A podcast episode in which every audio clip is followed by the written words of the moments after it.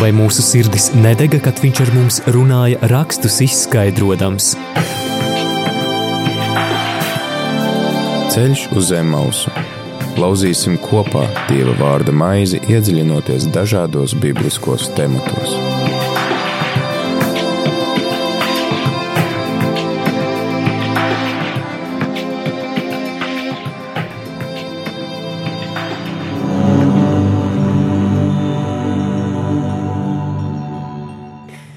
Tādiem arī Latvijas klausītāji ir 4 un 1 minūte 4. 3.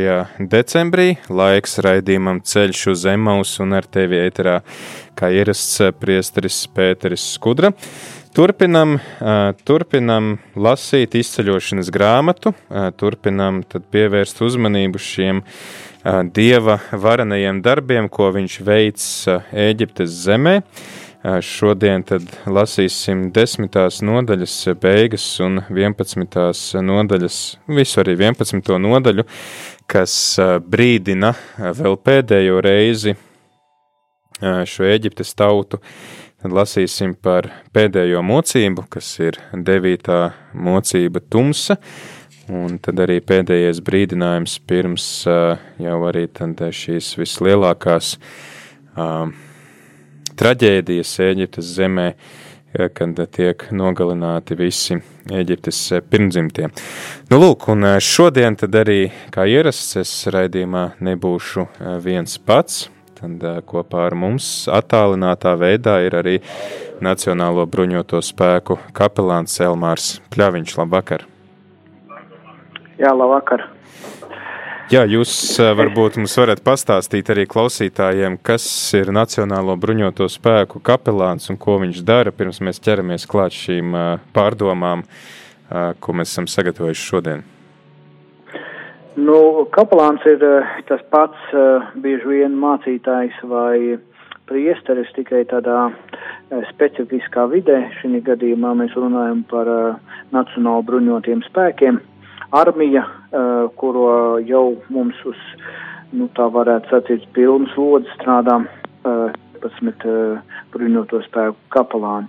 Un viņi atbild par garīgo morālo stāju kapelāniem, lai viņi savu uzdevumu varētu izpildīt līdz galam. Un arī par tuviniekiem atbildību. Ir arī tilts starp karavīru un komandieri un garīgie padomdevēji, tā kā daudz ir tie uzdevumi, un taisni šobrīd mums arī vēl iet noslēgumā konference paralēli visiem kapelāniem. Un divus jaunus priesturus mēs arī apmācam, eh, kuri eh, ieiet zemesardzē jau beigas kā virsleitnanti. Un eh, tad turpinās savu darbu savās zemesardzes vienībās uz kādu mazu slodzīti. Un man ir tiešām liels pagodinājums arī būt šobrīd attālināti un domāt par šiem iziešanas notikumiem, tālajiem notikumiem, bet tur ir daudz ko arī uz šodien tā vērts padomāt, kāds uzsvars. Jā, šodien mēs ķersimies klāt pēdējai no šīm deviņām mocībām, kas tiek tā izšķirtas. Varbūt tad, kad jūs izdzirdat, vai varbūt tad, kad, nu, piemēram, es uzrunāju, gatavojoties šim raidījumam, ka būs jārunā par mocībām, kas varbūt ir tā pirmā spontānā reakcija, kas jums nāk prātā, un varbūt arī kaut kā tā pamācība, ko, ko mēs varam gūt, lasot šīs lapuses. Nu, es vienmēr par to domājot, es eh, nelieku mocības, es eh, sev to un arī citiem mācu, bet vispirms jau sev par izaicinājumiem to saucu. Izaicinājumu, jo, ja uh, cilvēks nocietina savu sirdi, tad neatkarīgi būs izaicinājumi.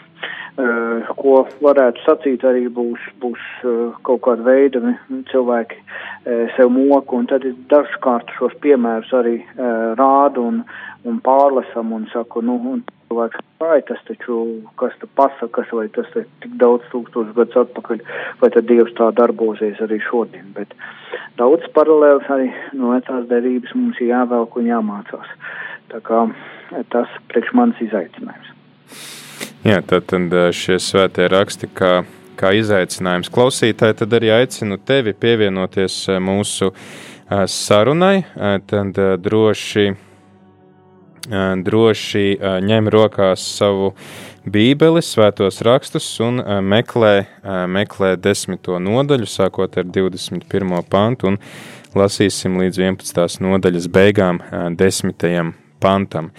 Tātad otrā mūzus grāmata, izceļošanas grāmata, 10. nodaļa, 21. pants.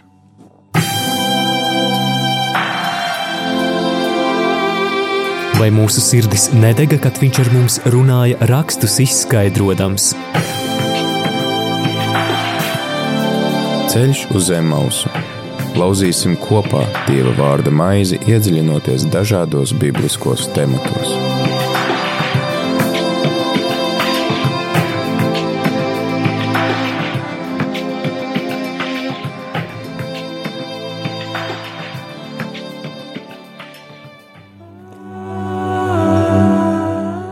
Un kungs teica mūzum: Izstiep savu roku uz debesīm, lai nāk pār Eģiptes zemi tumsa, tāda tumsa, ka var sataustīt. Mūzus izstiepa savu roku uz debesīm, un melna tumsa bija visā Eģiptes zemē trīs dienas. Tad viens otru nevarēja redzēt. Trīs dienas neviens nekustēja no vietas, bet tur, kur dzīvoja Izrēla dēli, bija gaisma. Tad faraons sauca mūzu un teica: Ejiet, kalpojiet kungam, tikai jūsu avis un vērši, lai paliek, arī jūsu mazie var iet kopā ar jums. Bet Mūzus teica: Tu dosi mums arī lopus upuriem un sadedzināmajiem upuriem, ko mums upurēt kungam savam dievam. Arī mūsu ganāmpulki ies kopā ar mums, nepaliks ne naga, jo no tiem mēs ņemsim, lai kalpotu kungam, mūsu dievam, jo mēs nezinām, kā mums kungam būs jākalpo, ja kāms būsim tur nonākuši. Bet kungs nocietināja faraonas sirdi, un viņš negribēja tos laist. Un faraons viņam teica: Ej prom no manis, piesargies, lai es tevi vairs neredzētu, jo tajā dienā, kad tu mani redzēsi, tu mirsi. Un Mūzus teica: Kā tu saki, man tevi vairs nebūs jāredz. Kungs teica Mozum: Vēl vienu sodību es uzsūtīšu faraonam un Eģiptē, Eģiptei, pēc tam viņš jūs no šejienes atlaidīs, kā padzīdams dzīšus izdzīs jūs no šejienes. Saki tautai, lai ik vīrs prasa kaimiņam un ik sieva, lai prasa kaimiņienē sudraba lietas un zelta lietas.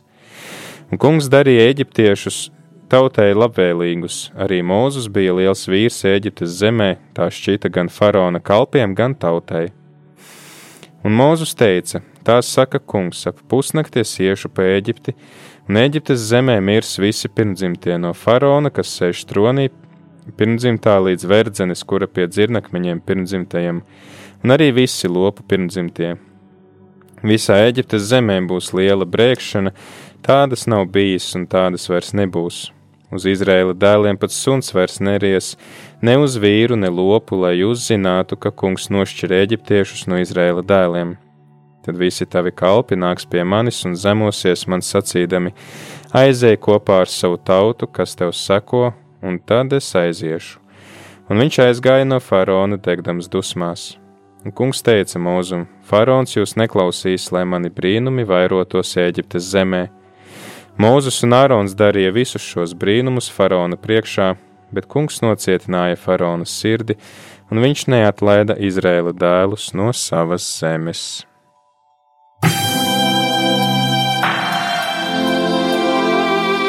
Vai mūsu sirdis nedega, kad viņš ar mums runāja, rakstus izskaidrojams? Ceļš uz zemes mausu Lauzīsim kopā Dieva vārda maizi, iedziļinoties dažādos bibliskos tematos.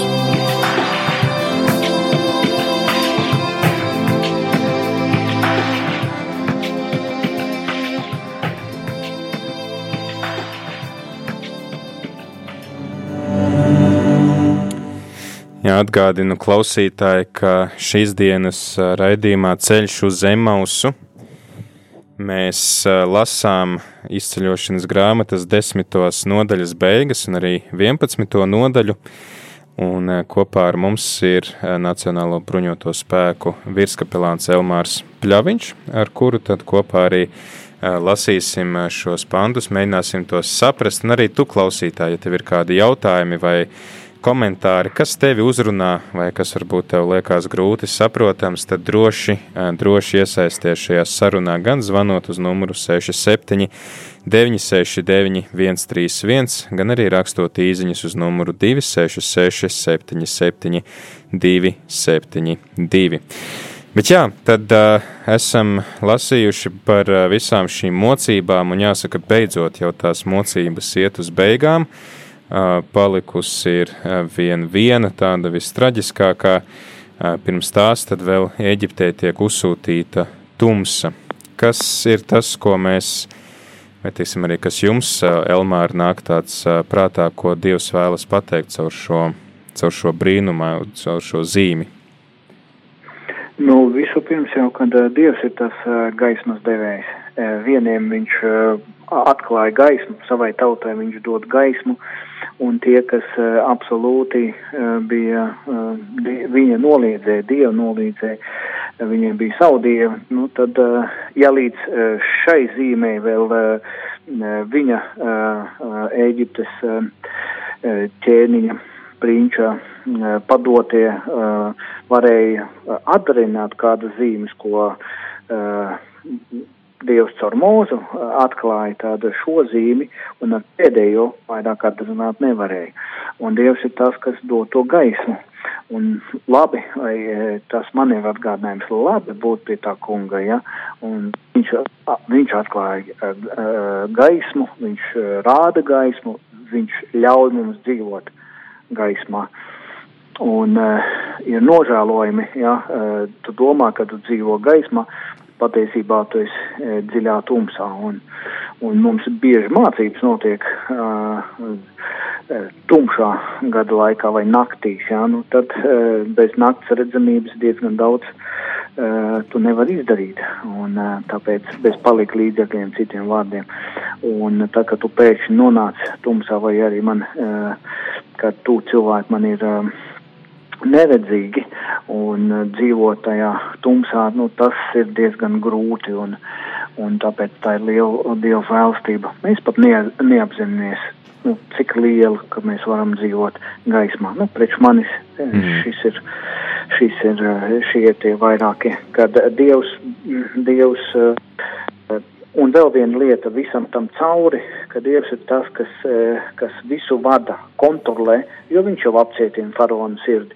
Viņš ir tas, kas dod gaismu, viņš ir tas, kas uh, uh, pakāpeniski uzrunā cilvēku un, un sagatavo kaut kam, jā, pat uh, traģiskam, bet, bet uh, principā mēs jaunās derības gaismā redzam, kad uh, viņš ir žēlastības dievs un ja viņš kaut kam sagatavo, arī vecās derības ieba grāmata ir tāda, jā, e, ka, ka viņš patiesībā jau sagatavo cilvēku un, un pārbauda cilvēku, jā, un redz vairāk nekā mēs redzam, jā. Uh, un, un ja cilvēks ir, uh, grib, ir izvēlējies palikt tumsā, tad viņam arī iedot to tumsu. Un tad tā ir traģi, tra, traģika, jeb traģēdija. Jā, es uh, arī lasīju komentārus par to, ka uh, Dievs, uh, tiksim, tā, uzsūtot šo tumsu, viņš parāda, ka viņš ir arī šis gaismas devējs, jo kur nav dieva, tur nav arī gaismas. Mēs arī gatavojamies Ziemassvētkiem, kur mēs Ziemassvētkos lasām Jāņa evaņģēlija fragmentu, ka Dievs bija gaisma, vai teiksim, šis vārds, kas bija pie Dieva, tas ienāca pasaulē kā gaisma. Uh, ja, tad uh, gaisma, kuru, kuru nekāda tumsa nevar apslāpēt. Savukārt šī pastāvīgā dieva noraidīšana ir nu, tā, kas tad arī tad noraida gaismu. Um, gaismas, man liekas, simbols vispār ir ārkārtīgi būtisks, ne tikai tādā reliģiskā nozīmē, bet vispār jebkuram cilvēkam tas dod drošību, tādu siltumu, komfortu. Bez gaismas uh, nu, mēs jūtamies diezgan vāji un neaizsargāti. Un kas ir arī interesanti, ka komentāri saka, ka Bībelē tums ir arī tāds atgādinājums par to pirmsradīšanas stāvokli, kad nekas nebija. Ka zināmā mērā te atkal Dievs ar šo parāda savu spēku. Ja viņš varēja iesaukt esībā, tad viņš arī var, tā teikt, atsaukt šo esamību. Un, jā, tas man ir arī jautājums varbūt par, eh, par eh, šo tumsu un par tās uzsūtīšanu, jo arī kāds no klausītājiem mums raksta, ka ir neloģisks teksts vai tulkojums, jo tumsu taču nevar sataustīt ar roku. Kā mēs varētu šim klausītājam atbildēt, kas tur ir domāts? Grūti pateikt, jā, jā, toreiz tie apstākļi ir bijuši tādi, kādi viņi ir bijuši, ka tā tumsa, ka tā tumsa nebija, nu tad cik dziļu tumsu, ja, ka viņi visi bija uz vietas rakstīts, ja, ka nevarēja neviens tur jā, piecelties vairāk, un, vai, vai tā tumsa bija efekts klāt, vai arī viņi tik ļoti bija nobijušies no tās tumsas, ka viņi bija paralizēti, un, un tad, nu tā. Jā, es, es skatos, arī ir kāds komentārs, kas saka, ka tam varētu būt arī tāds dabisks izskaidrojums. Um, kuram tad, tad ir šie kaut kādi dienvidu vēji, kas pūš no, no dienvidiem, no Sahāras tūkstneša, un tās smiltis, kas aizsedz saules gaismu, tad viņas zināmā mērā arī var tik tiešām sataustīt, bet es pieļauju, ka arī tā ir domāta, jā, kā arī jūs, Elmārs, sakat, ka tā ir kā tāda metafora tam, cik.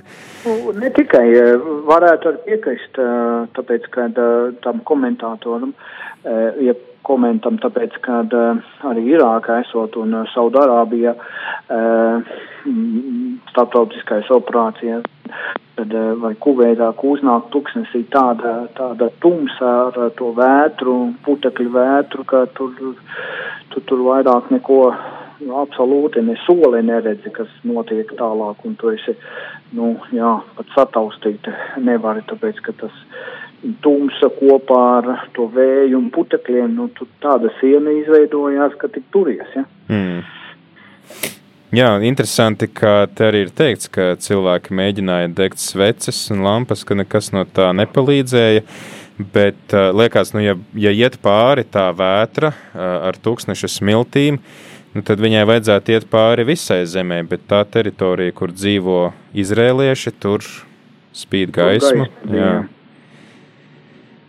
Nu jā, no Dievs ir tas, kas nosaka, nosaka, to mēs arī redzam jaunajā darbā. Jēzus ir tas, kur, par kuru brīnījās, ka, ka viņš var pavēlēt vētrai vienā meklī stātīs. Ja? Uh, Mm. Tad, tad mums ir vērts vēlreiz, priekš manis tā, tā iziešana ir vēlreiz ir vērts uzticēties savam kungam, kaut arī cilvēki to nesaprata toreiz arī šī izraelīša. Viņi tikai redzē, redz to, ko redz ar savām acīm, un bieži vien, lai, lai saprastu Dievu, ir vajadzīga tā neredzamā lieta, un tā ir ticība.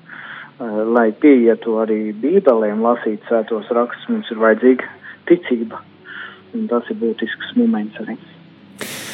Jā, tas arī ir liekas, tas nošķīrums, par kuru mēs lasām vēlāk jaunajā derībā par gaismas bērniem un tumsas bērniem. Jā, un tad kas ir, ja mēs tiecamies uz Dievu, ja mēs meklējam Dievu savā dzīvē, tad mēs arī tiekam piepildīti ar viņa svētā gara gaismu, un ja mēs nemeklējam Dievu, novēršamies no viņa, tad, nu jā, tad mēs arī redzam to, kā apkārt savalkās tumsa, mēs esam tādi apjukuši, pazuduši un nezinām, kur, kur doties. Tā kā, tad, tad tas princips būtu meklēt šo ticību. Kā varbūt tas? Meklēt šo ticību un palikt pie Dieva, palikt Dieva tūmā. Tad tu vienmēr neatkarīgi arī būs tum, tumsa, tu patiesībā dzīvosi gaismu. Jo tas mēs, jo, ja, teiksim, ja tā paskatās uz, uz izredzēto tautu, viņi jau tur tā, nu, speciāli nav to dievu meklēšanu vienkārši cieš, un tad dievs saka, es esmu uzlūkojis tautas ciešanas, un es iešu viņiem palīgā. No tā ir trešā lieta, kad uh, dievs jau patiesībā arī šajā laikā parāda arī tie, kas dzīvo tā kā šķietam tumsā, viņ, dievs ir pieejams visiem. Un ir iespēja, un dievs ir tas, kas pirmais nāk pie cilvēka un grib parādīt viņam šo gaismu. Mm -hmm. Ja tad uh, Dievs nāk ar savu pestīšanu, kuru mēs varam vai nu pieņemt, vai atteikties no tās. Tieši tā. Jā, ja mēs arī iepriekš lasījām par eģiptiešu nu, faraona kalpiem, kuri arī tomēr paklausa mūzum, un tad, kad, piemēram, nāk lielā krusa, Mūzus saka, vediet visus savus lopus un vergus zem jumta, jo krūsa viņus var nosist, un tad ir daļa, kas arī tiešām izvēlās paklausīt. Uh, jā, mēs lasām šos brīnumus, uh, tad uh, faktiski visas tās zīmes ir saistītas arī ar to, ka mēs lasām ka Dievs nocietina faraona sirdi, un faktiski nav raidījums, kad mums kāds klausītājs neuzdod šo jautājumu, ko uzdod arī Signe. Paldies, Signe, tev par iesaistīšanos, un Signe raksta sekojošo. Mans jautājums, kāpēc Dievs nocietināja faraona sirdi? Varbūt arī Elmāra tas jūsu skatījums, kā skaidrot šos pantus, kur mēs lasām, ka Dievs ir vainīgs nu, pie tā. Jā, katra cilvēka skaidrojums būs tāds subjektīvs arī tā skaitā.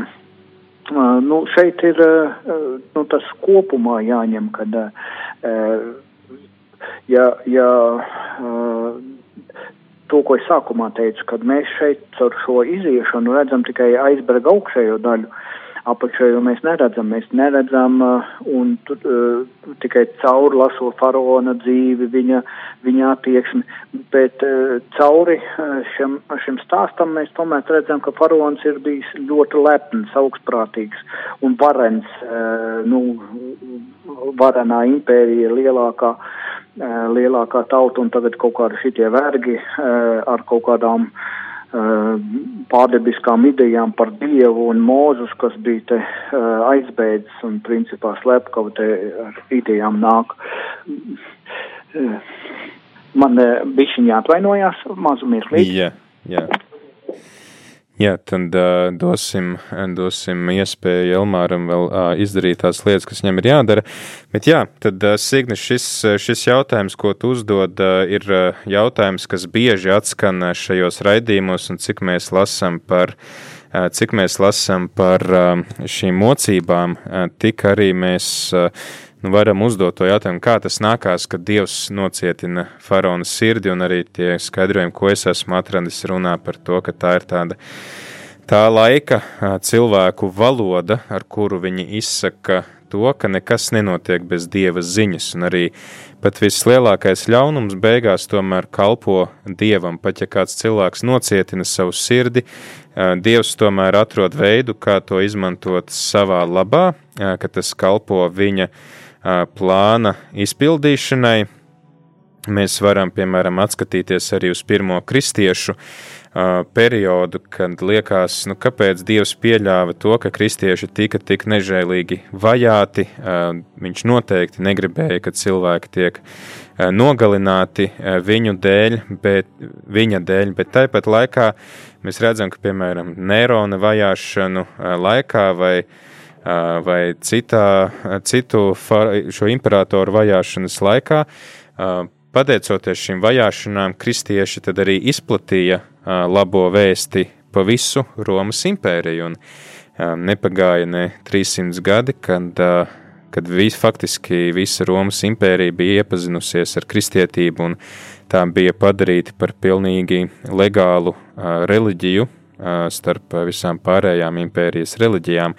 Kā mēs tad, jā, varam to skaidrot tā, ka nekas nenotiek bez Dieva ziņas, un Dievs visu, nekāds ļaunums nespēja uh, izsist Dievu no līdzsvara, un viss beigās tāpat notiek pēc Dieva prāta. Tas, ko mēs varam mācīties no. Dievs jau nedod to ļaunumu, Jā. Dievs jau neapcietina. Patiesībā tas pats uh, faraons sev apcietināja. Uh, un, un uh, lepnības rezultātā Dievs tikai pieļāva kaut kādas situācijas. Jā, jā mēs, eh, mēs te arī lasām to, ka faraons, nu, pieredzot šo tumsu, viņš sauc, sauc pēc Mūzus, un viņš saka, ejiet, kalpojiet kungam, tikai jūsu avis un vērši, lai paliek iepriekš, tad mēs lasījām, ka viņš saka, labi, ejiet un kalpojiet, bet bērnus atstājiet Ēģiptes zemē, Man liekas, interesants ir šis kalpošanas aspekts, ka Mūzus saka, ka dieva tautai tagad jāiet kalpot dievam,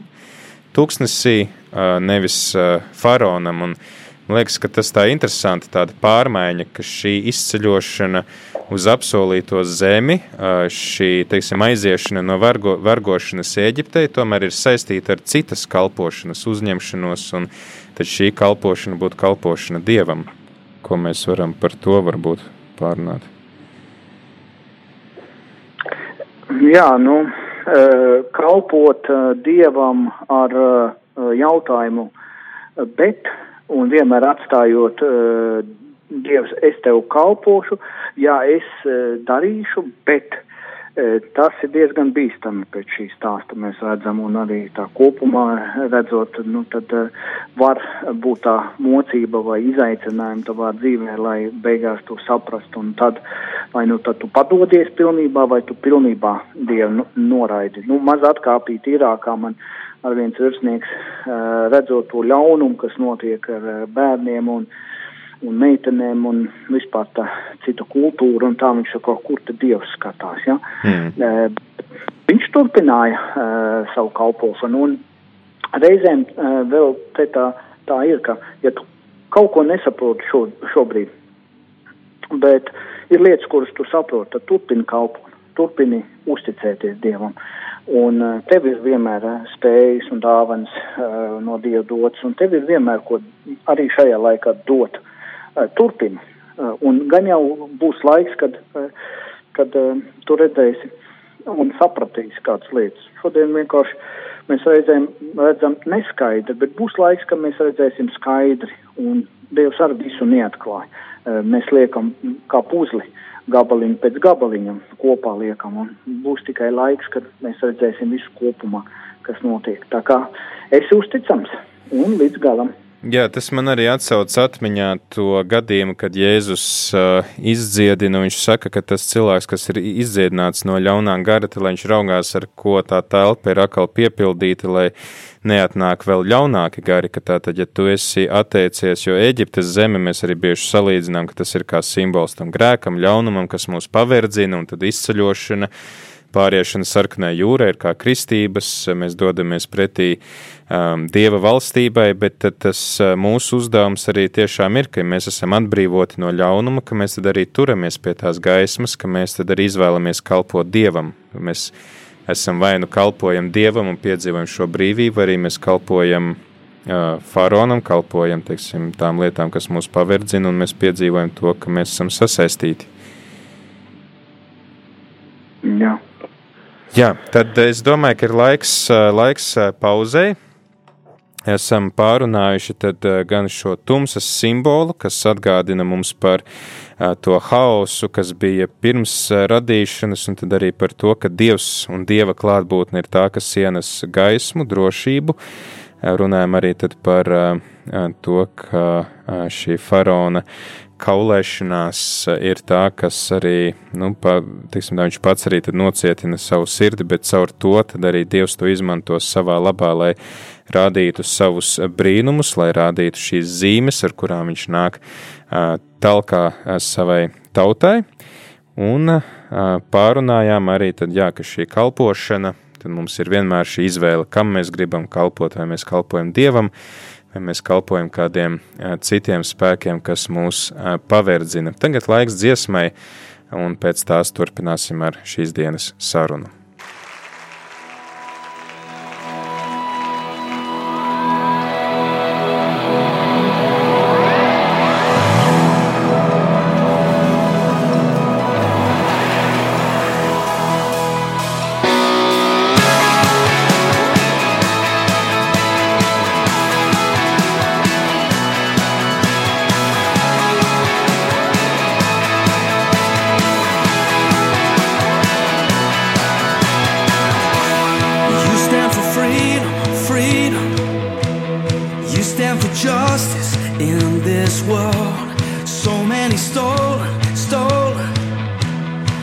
To the shadows of this earth, but these are your sons and daughters, God.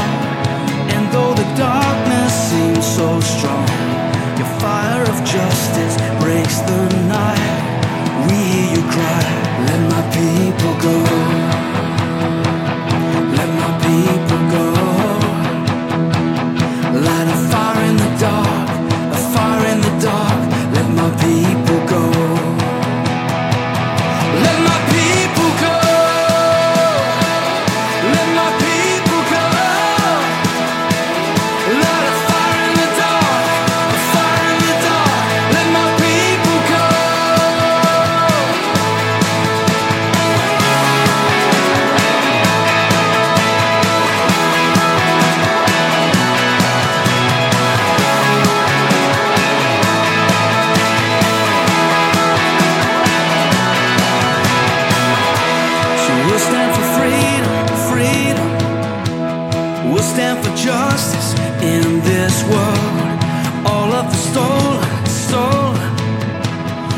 Never forgot in your heart.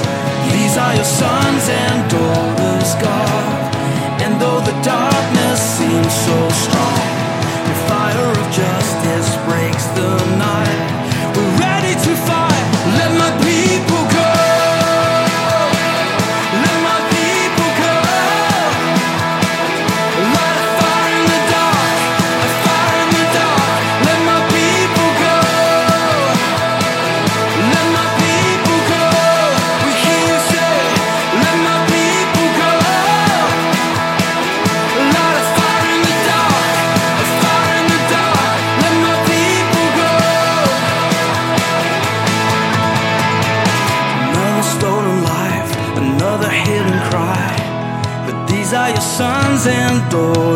God, trafficked in the night, broken by the fight.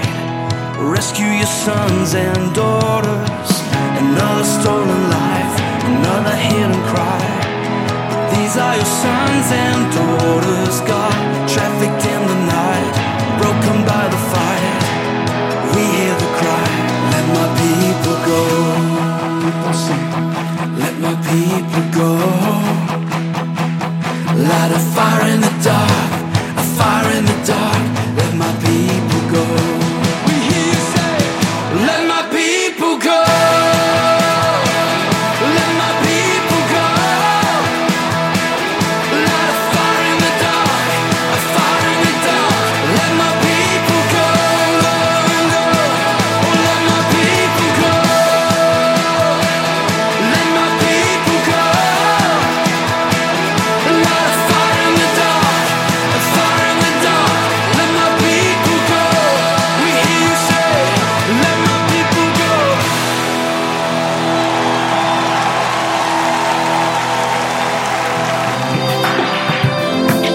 Ceļš uz zem mausu.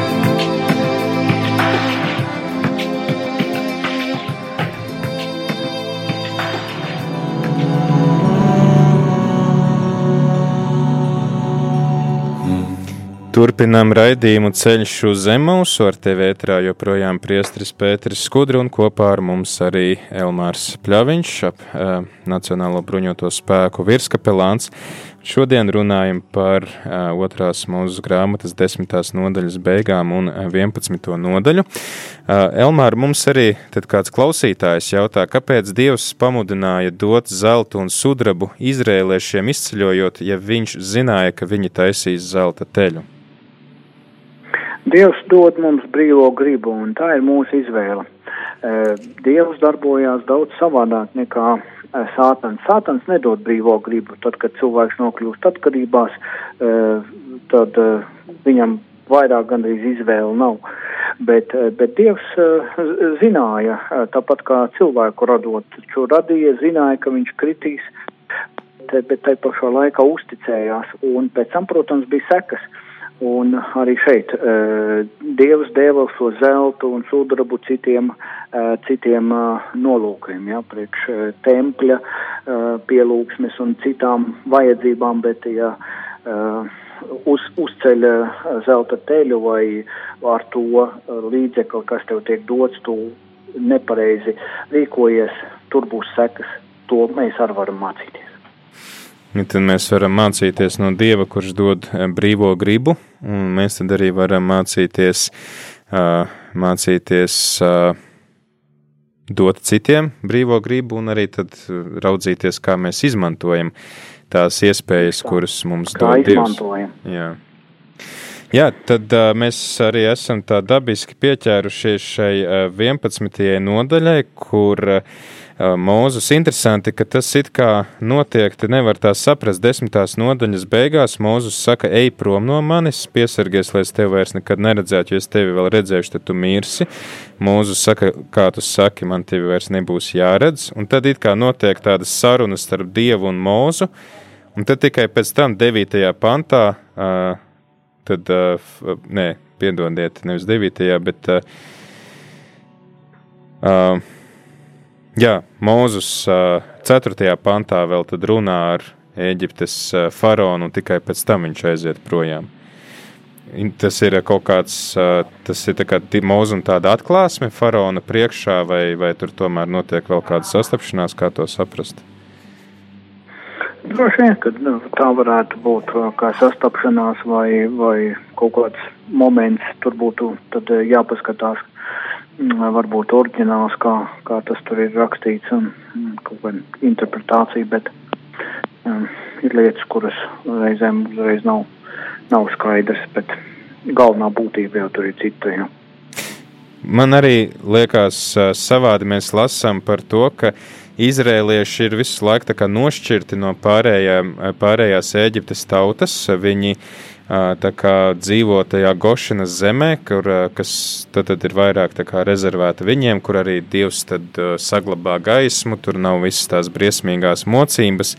Bet kas tad ir tie kaimiņi, pie kuriem viņi iet pēc tās zelta un sudraba? Sanāk, viņi iet par pārējo Eģiptes zemi, vai, vai tomēr tajā Gošinas zemē ir vēl citi eģiptieši, kas dzīvo starp jūdiem? Droši vien, ka nē, nu, man liekas, ka tie ir nu, eģiptieši. E, ja viņi bija nošķirti, tad nu, varbūt tā bija iespēja, ka iet, iet, iet pie viņiem kādas lietas jāprasīt, vai, vai viņi izsūtīja kādas kalpas. Nu, tas, tas veids, kā to darīt, tas varbūt ir pakārtots. Katrā ziņā tā pati doma, jā, ka, ka viņi izpilda vismaz Dievu prasīto, jā, ka ejiet un varbūt, ka viņiem ar tas bija tāds uh, uzticēšanās jautājums no Dieva, nu, ka tur iet tagad viņiem prasīt uh, zeltu, tas ir, tur nav uh, atrunas redzams, uh, kā tas bija mūzum, uh, kad Dievs sacīja, tu pie faraona, jā, tad viņam bailes nedrošībā šeit ar e, tie, kuri paverdzināja, tie, kuri ir saimnieki, tie, kuri visu laiku ilgus gadus viņus mocīja, tagad pie viņiem iet un prasīt zeltu. Nu, tad tas Eh, reizēm var likties tā eh, neloģiski, te tāds eh, no dieva tāds pārbaudas elements tiek iedots. Mēs arī redzam, ka pati tauta ir ļoti labvēlīga pret, pret izredzēto tautu, jo te ir trešajā punktā teica, ka kungs darīja eģiptiešus tautai vēlīgus, arī Mūzus bija liels vīrs Eģiptes zemē, tā šķita gan faraona kalpiem, gan tautai, tad sanāk, ka to Tomēr mēs redzam, ka starp eģiptiešiem ir bijusi tāda kā atgriešanās, ka viņi ieklausās mūzu un ka viņi arī palīdz, atbalsta šai. Nu, bija vēl... laiks, jā, arī caur tām mocībām bija laiks, un taču liela daļa ieraudzīja.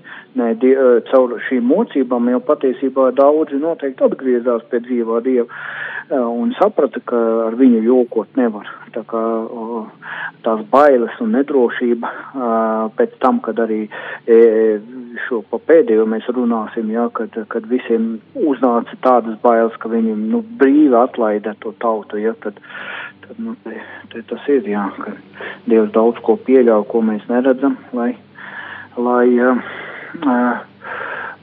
pagodinātos. Skaidrs, tad. Jā, varbūt tad, šis teksts mūs arī gatavo jau tai lielajai, lielajai traģēdijai, kas piemeklēs Eģiptes zemi, un jautājums, kāpēc Dievam tad bija jāķerās klāt pie tik nu, radikāla līdzekļa. Jo tomēr šie pirmdzimtie, gan, gan lopi, gan visi, nu, visas, jā. Nepaklausība, nepaklausība kaut ko maksā, spītība kaut ko maksā. Uh, Un, eh, un arī eh, šeit parādās vēl jau tālāk tas upuris, eh, kad, kad par, par grēkiem kādam ir jāsamaksā. Un, un tad, tad vēl daudz dziļāk tā doma parādās, ka tik ļoti Dievs pasauli mīlēs, ka viņš devis savu vienpiedzimušo dēlu, ja, lai neviens, kas uz viņu tic, nepasustu. Un uh, Dievs deva to iespēju savai tautai un parādīja pārējiem, uh, jā, ka viņi joprojām dzīvo tumsā. Un es domāju, arī pēc tā notikuma uh, daudziem atvērās caursāpēm, atvērās acis. Un, diemžēl, uh, ja mēs paskatāmies, kuri cilvēki sāk ticēt Dievam, bieži vien tie, kuri ir pārdzīvojuši liels sāpes. Jā, caur uh, reizēm ir jāpiekrīt, jā, jāpiedzīvo viszemākie kritieni, lai, lai varētu tad arī piedzīvot tādu patiesu īstu atgriešanos. Kaut kā tas tā raksturīgs cilvēka dabai, bet uh, mēs arī varam redzēt gana daudz tādus, kuri tomēr nesagaida to kritienu un turās visu laiku pie Dieva, tā kā arī tas ir iespējams. Um, nu, tā ir Dieva žēlstība, jā, un paldies Dievam par tādiem cilvēkiem. Jā. Jā, te arī astotajā pantā ir teikts, ka visi tavi kalpi nāks pie manis un zemosies man sacīdami aizēj kopā ar savu tautu, kas tev seko, un tad es aiziešu. Tas man arī atgādina zināmā mērā to, ko mums jau saka nu, gan apstuļu vēstules jaunajā derībā par laiku beigām, gan arī atklāsmes grāmata, ka pienāks tāda diena, kad Dievs tā atklās savu godību, ka visi būs spiesti nomesties viņa priekšā ceļos. Arī tie, kas viņam ir pretojušies, liekas, ir tāds, kā jau var teikt, pravietojums par, par šo nākšanu gan gan Kristus nākšanu pasaulē, kas rekur pie austrumu gudrie, kas nāk no svešām zemēm, lai viņu pielūgtu un pagodinātu, bet tad arī šī otrreizējā atnākšana, kurai mēs gatavojamies un kur agri vai vēlu notiks un kuras priekšā tik tiešām mēs visi būsim spiesti nomesties ceļos. Mums paredz, pamazām šis raidījums tuvojas noslēgumam un Elmāra, mums ir eh, tādi vēl daži jautājumi no klausītājiem. Eh, viens no klausītājiem Jā. uzdod jautājumu, kāpēc Latvijas armija un zemesardze ir eh, vajadzīgs tik daudz kapelānu. Cik vispār ir kapelānu un vai tas ir pietiekams skaits vai pietrūkst? Kāda ir tā situācija? Ja tā mēs ņemam uh, pēc tā skaita, nu varbūt kādam liekas tiešām tie kapelāni šobrīd 16 uz 7 tūkstošiem, tas liekas, nu tā pa daudz, plus vēl 18 zemesardzes kapelāni liekas arī tas tā pēc kam, bet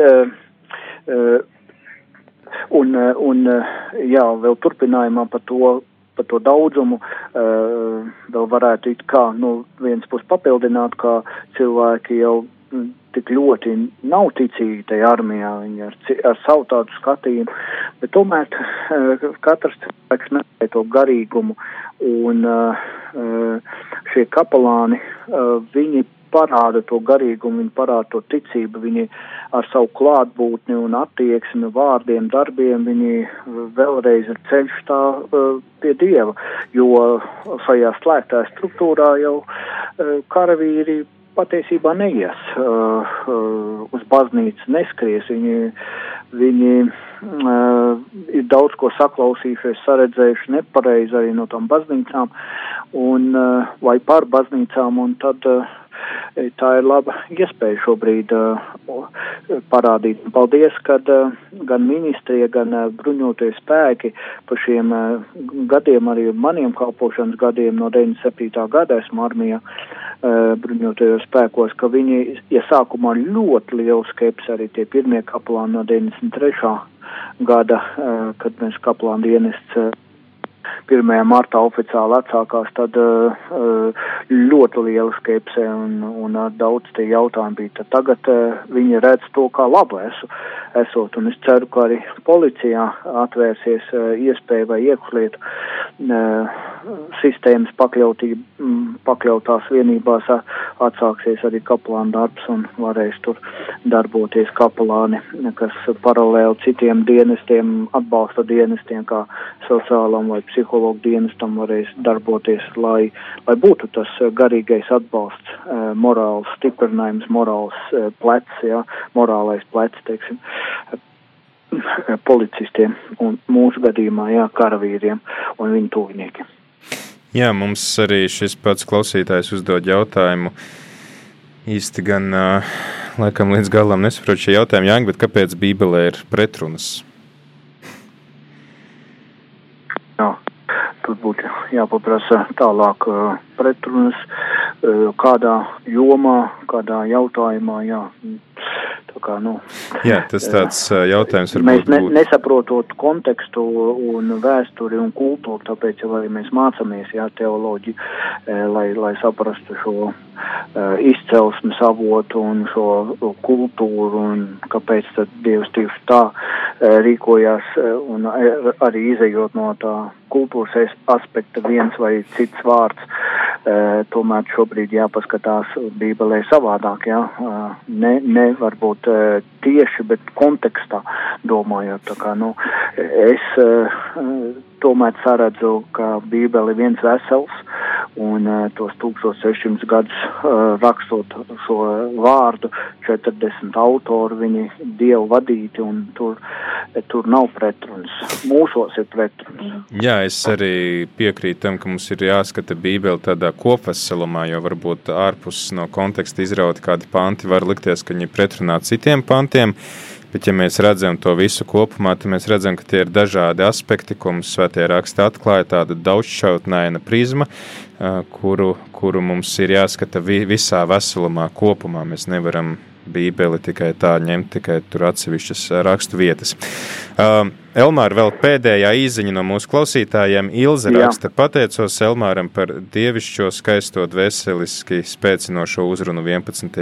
novembrī. Tālūk, tad, uh, Paldies, jā mūsu klausītāji ir klausījušies šo dievkalpojumu un sekojuši tam līdzi.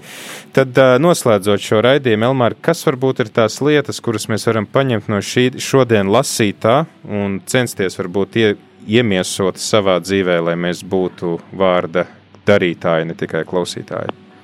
Pirmkārt, es negribētu atrasties uh, dieva ienaidnieku pusē un dzīvot tumsā. Uh, un, ja es, uh, un otra lieta, tad apzinies uh, savas vājās, stiprās puses un uh, vēlreiz meklē, meklē, uh, meklē to patiesību. Meklē, neatkarīgi, kur tu šobrīd atrodies, meklē patiesību. Un trešā lieta, uh, Dievs uh, ir brīnumu uh, darītājs. Viņš ir brīnumu devējs arī šodien un meklē Dievā to spēku un tu piedzīvos brīnumu visā savā dzīvē. Un, un, tā ir tāda liela uh, dieva svētība, ka mēs uh, šobrīd joprojām dzīvojam tādā brīvā Latvijā un varam iepazīt viņu un, un caur šiem uh, vecās devības notikumiem, īpaši iziešanas notikumiem, jā, caur šīm mocībām, vēlreiz Dievs parāda savu mīlestību. Jā, liels paldies tad arī, lai sokās jūsu uh, kalpošanā armijā un tad, lai izdodas viss iecerētais. Paldies! Paldies! Jā, klausītāji, tas bija Elmārs Pļaviņš. Šodien kopā ar mums Nacionālo bruņoto spēku virskapelāns. Liels paldies par arī jūsu aktīvu dalību. Šoreiz ne tikai esat bijuši klausītāji, bet arī aktīvi dalībnieki, par ko ir liels, liels prieks. Tas dod raidījumam vēl papildus tādu motivāciju to veidot. Tad pavisam drīz pulksten piecos turpināsim ar nākamo raidījumu, bet mēs no jums tad šoreiz atvadamies. Ceļš uz zem mausu.